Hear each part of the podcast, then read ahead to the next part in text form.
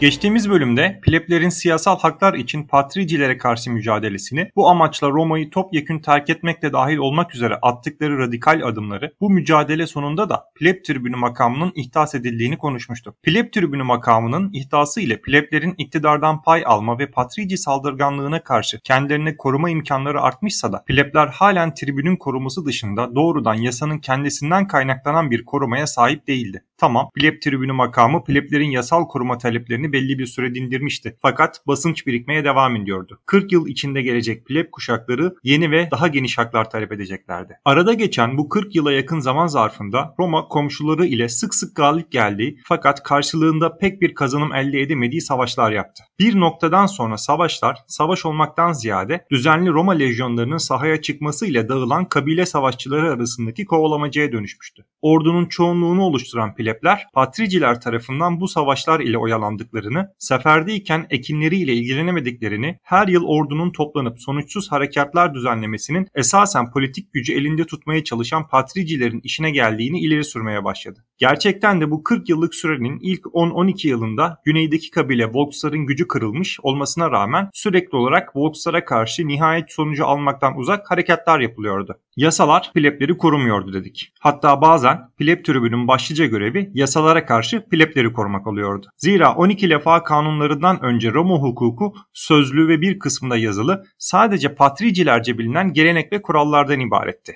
M.Ö. 462 yılında pleb tribünü Gaius Tarentilius Arsa bütün yasaların yazılı olmalarını, şehre asılmalarını ve tüm Romalıların yasalar önünde eşit olması gerektiği iddiasıyla öne çıktı. Kaynayan tencereden ilk taşmalar zaten başlamıştı. Bu derece üst düzeyden gelen söylemle birlikte artık ok da yaydan çıkmış sayılırdı. Gelecek 10 yılda yeni yasalar yapılmadan plebler orduya katılmada oldukça isteksizlik sergileyecekler. Zaman zaman bu isteksizlik ciddi başarılarına neden olacaktır Roma'da. Gerek pleblerin ısrarlı talepleri, gerek yaşanan kuraklık nedeniyle meydana gelen ekonomik sıkıntıların şehrin huzurunu artık pamuk ipliğine bağlı duruma getirmesi, Atricilerin yeni ve aleni yasalar yapılması konusundaki direnişini kırdı. Roma, çevre toplulukların yasalarını öğrenmek için çevreye elçiler gönderdi. Atina'ya gönderdikleri elçiler geri döndüklerinde Atinalı aristokratlar ve demokratlar arasındaki gerginlikleri azaltmak amacıyla ihdas edilmiş bulunan Solon yasalarını anlattılar. Hatta yanlarında yasaların nüshasını da getirmişlerdi.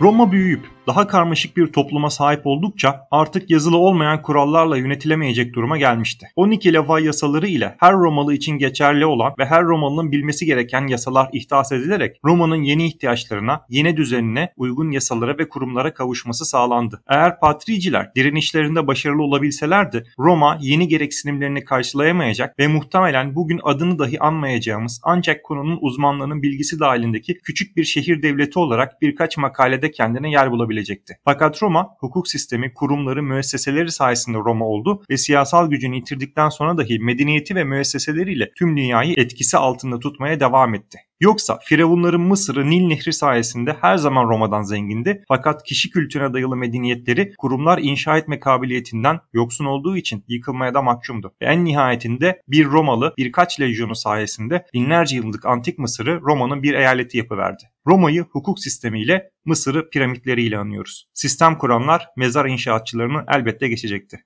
Konuya dönersek, Patrici Bilep mücadelesinin bu safhası Roma hukukunun ve dolayısıyla günümüz hukukunun temeli olan 12 lefa kanunlarının hazırlanmasını ve yasalaşmasını sağladı. Sene M.Ö. 451'di.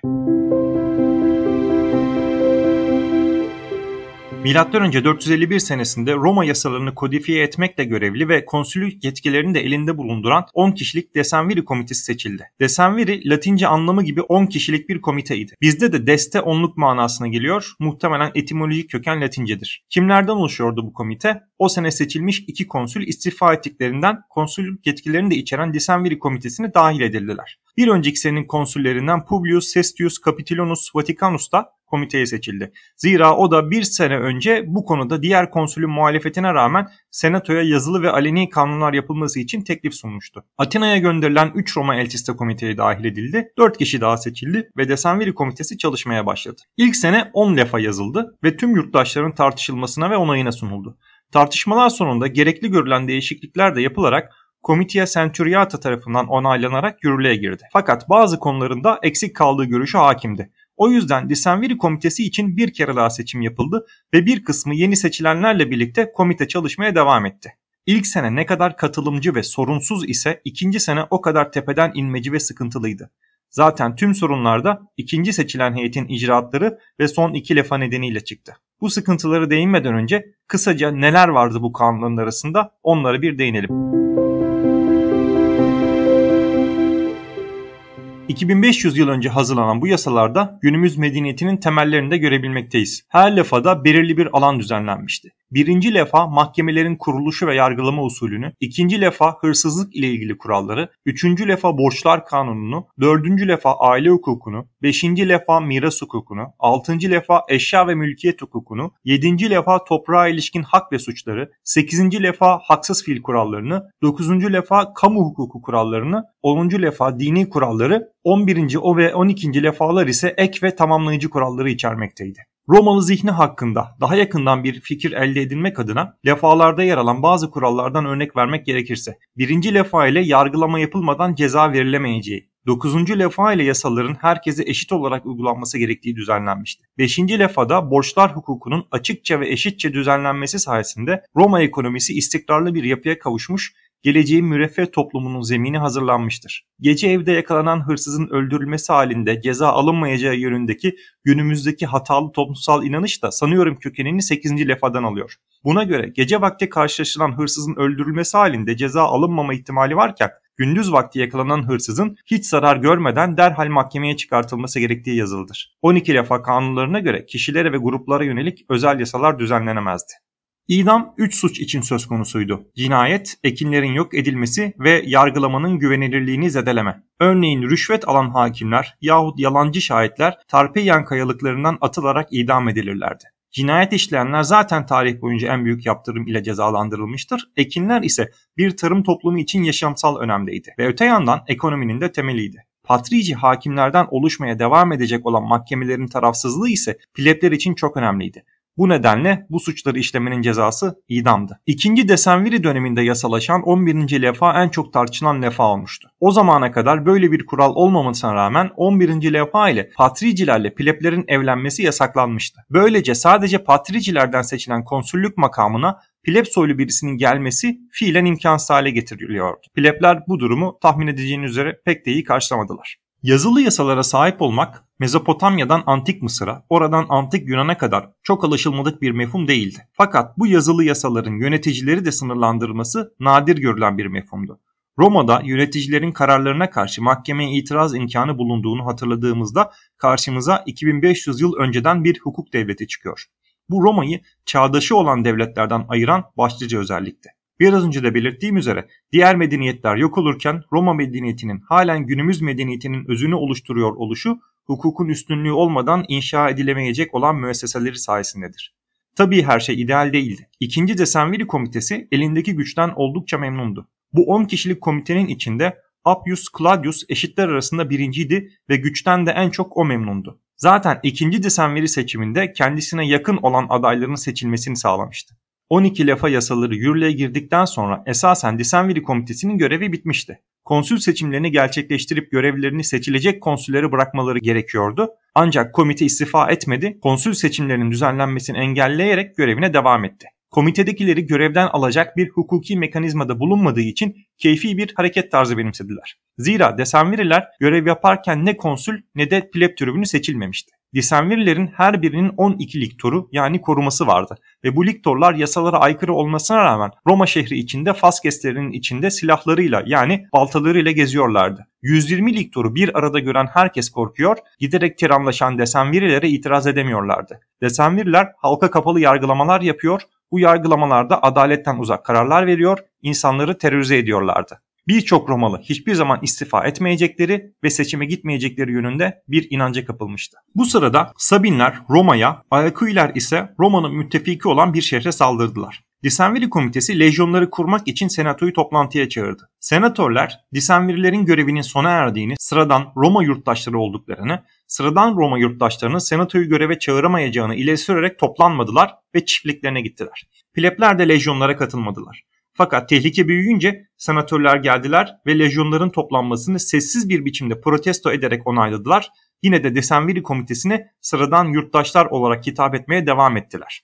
Plebler ise bu durumu özgürlüklerine saldırı olarak nitelemekle birlikte hem düşman korkusu hem de orduya katılmayanlara firari olarak muamele edileceğinin ilan edilmesi nedeniyle lejyonlara katıldılar. Lejyonları iki adet Desenviri komuta ediyordu. Desenvirilerin askeri tecrübesizliği nedeniyle lejyonlar savaş meydanında bozguna uğradılar. Desenvirilerin lideri Appius Claudius bir pleb olan Virginia'yı beğeniyordu. Onu gücü ve sözleriyle ikna etmeye çalıştıysa da başarılı olamamıştı. Appius Claudius ordu Sabinler ve Aeokilere karşı seferdeyken Virginia'nın babasının da ordu ile birlikte olmasını fırsat bilerek Virginia'yı elde edebilmek için bir plan kurdu. Bu plan çerçevesinde bir yandaşı Virginia'yı yakalayıp onu zorla foruma sürükledi. Virginia'nın arkadaşları ve kız kardeşleri de ağlayarak onu takip ediyordu. Doğal olarak etrafta insanlar toplanmaya başladı. Virginia'yı sürükleyen yandaş yüksek bir sesle bağırarak yaptığının tamamen hukuki olduğunu, Virginia'nın kendi kölesi olduğunu ve kaçtığı için onu yakaladığını ilan ederek mahkeme talep etti.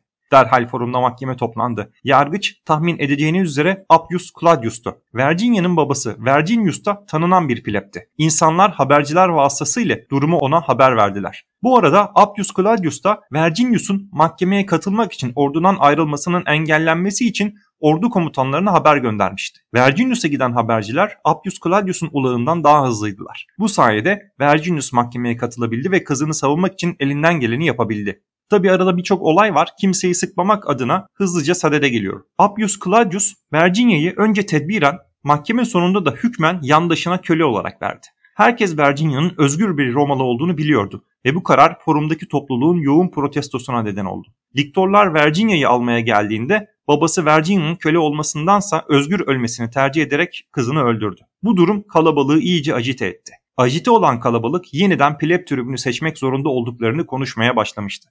Appius Claudius bu sefer Verginia'nın sevgilisi olan Isilius'un tutuklanmasının emrini verdi liktorlara. Fakat kalabalık buna engel oldu. Lucius Valerius Potitus ve Marcus Horatius Barbatus liktorları geri itti. Olaylar yavaş yavaş kontrolden çıktı. Kalabalık artık bu iki patriciyi dinliyordu. Durumun kendisi için kötüye gittiğini gören Appius Claudius forumdan kaçarak uzaklaştı. Lisenvirilerden biri bu olaylar sırasında senatoyu toplantıya çağırdı. Senatoda topyekün bir pleb hareketinden çekindiği için ordunun Roma'ya dönmesini yasakladı. Bu karar senatonun istediği sonuçları doğurmadı. Önce Verginius önderliğinde Roma'daki plebler ayaklandı. Ardından da önce Aequi sonra da Sabinlere karşı gönderilen lejyonlar isyan etti. Lejyonlar Roma'ya dönerek Aventin tepesini işgal ettiler ve kendi askeri tribünlerini seçtiler. Her iki ordu da onar adet askeri tribün seçmişti. Senato ne yapacağını bilemiyordu, kendi içinde tartışmakla meşguldü. Bu noktada Plepler ve ordu bir kez daha şehri terk etti ve kutsal dağ Mons Saker'e çıktı. Pleplerin ikinci ayrılığı gerçekleşmişti. Sene M.Ö. 449'du. Pleplerin amacı pleb tribünlüğü makamının hayata döndürülmesi, isyan eden pleplerin affedilmesi ve desenverilerin şiddetle cezalandırılmasıydı. Senato pleblere müzakere için Virginia'nın mahkemesi sonunda Appius Claudius'un diktorlarını engelleyen iki senatör olan Lucius Valerius Potitus ve Marcus Horatius Barbatus'u elçi olarak gönderdi. Plebler iki senatörü de saygı ve sevgi gösterileriyle karşıladılar. İki senatör pleblerin taleplerini kabul etti ancak Desenville'lerin cezalandırılması konusunda elteleme talep ettiler. Plebler de bu talebi kabul ederek şehre dönüp pleb tribünlerini seçtiler. Senato'nun Desenvirileri istifa etmiş kabul ettikten sonra yapılan konsülük seçimini Lucius Valerius Potitus ve Marcus Horatius Barbatus kazandı. İkili Leges Valeria Horatiae yani Valeri Horati yasasını çıkardılar. Bu yasaya göre Pleb Konseyi'nin aldığı kararlar tüm Romalılar için bağlayıcı olacaktı. Romalıların kendileri aleyhine karar alan devlet görevlerine karşı halka başvurma ve halkı toplantıya çağırma hakları olacaktı. Pleb tribünleri ve yardımcıları olan pleb ayedilleri kutsal kabul edilerek onlara hiçbir zarar verilemeyecekti. Son kural olarak da her makamın seçimine dair itiraz hakkı tanınmıştı. Pleb konseyinin kararlarının her Romalı için yani patriciler için de bağlayıcı olmasını patriciler kabul edemiyordu ve bu durum yeni hukuki mücadelelere neden olacaktı takip eden günlerde pleb tribünleri Appius Claudius'un soruşturmasını başlattılar. Appius Claudius da yargılanmaktansa intiharı tercih etti. Diğer bir desenvir Spurius Oppius da yakalandıktan sonra intihar etti. Bu iki desenvirin tüm mallarına el konuldu. Geriye kalan 8 desenvir ise sürgüne gitmeyi tercih ettiler. Burada Appius Claudius için küçük bir parantez açayım. Yaklaşık 150 yıl sonra aynı aileden bir başka Appius Claudius sensor seçildikten sonra yasalara rağmen görevini bırakmayacak, seçimlerin yapılmasını engelleyecekti. Garip bir aile geleneği. Gerçi o bölüme gelindiğinde göreceğiz ki Appius Claudius yani genç Appius Claudius uzun vadede Roma için oldukça faydalı işler de yapacak ve tarihçiler için olumlu ya da en azından tartışmalı bir karakter olarak değerlendirilecektir. Parantezi kapayıp konuya dönersek. İki konsül hala Roma çevresinde bulunan Sabin ve Aequia ordularını dağıtmak için sefere çıkmadan önce tüm bu maceranın amacı olan 12 lefa yasalarını Roma'nın çeşitli noktalarına diktirdiler. Özetle yasayı yapanlar yasayı çiğnediğinde yasaya sahip çıkanlar sayesinde adalet tesis edilmiş oldu. Roma artık bir hukuk devletiydi ve gücü ele geçirmeye çalışan tiran adaylarına karşı ilk mücadelesini de verip başarılı olmuştu. 12 lefa kanunu ile Patrici Pleb çekişmesinin temel siyasi haklara ilişkin kısmı adalete birkaç adım daha yaklaşılması sayesinde görece şiddetini yitirmişti. 11. Lefa ile gelen Patrici Pleb evliliği yasağı ise çekişmenin yeni odağıydı. Patriciler plebleri bu şekilde konsüllük, Pontifex Maximusluk, Quaestorluk gibi makamlardan uzak tutmaya çalışacak, plebler ise bir süre nefeslendikten sonra artık siyasi ve hukuki korumaya kavuşmuş olmanın verdiği güvenle iktidarın odağı olan bu makamları eskisinden çok daha keskin bir biçimde hedefleyeceklerdi. Gelecek bölümde görüşmek üzere.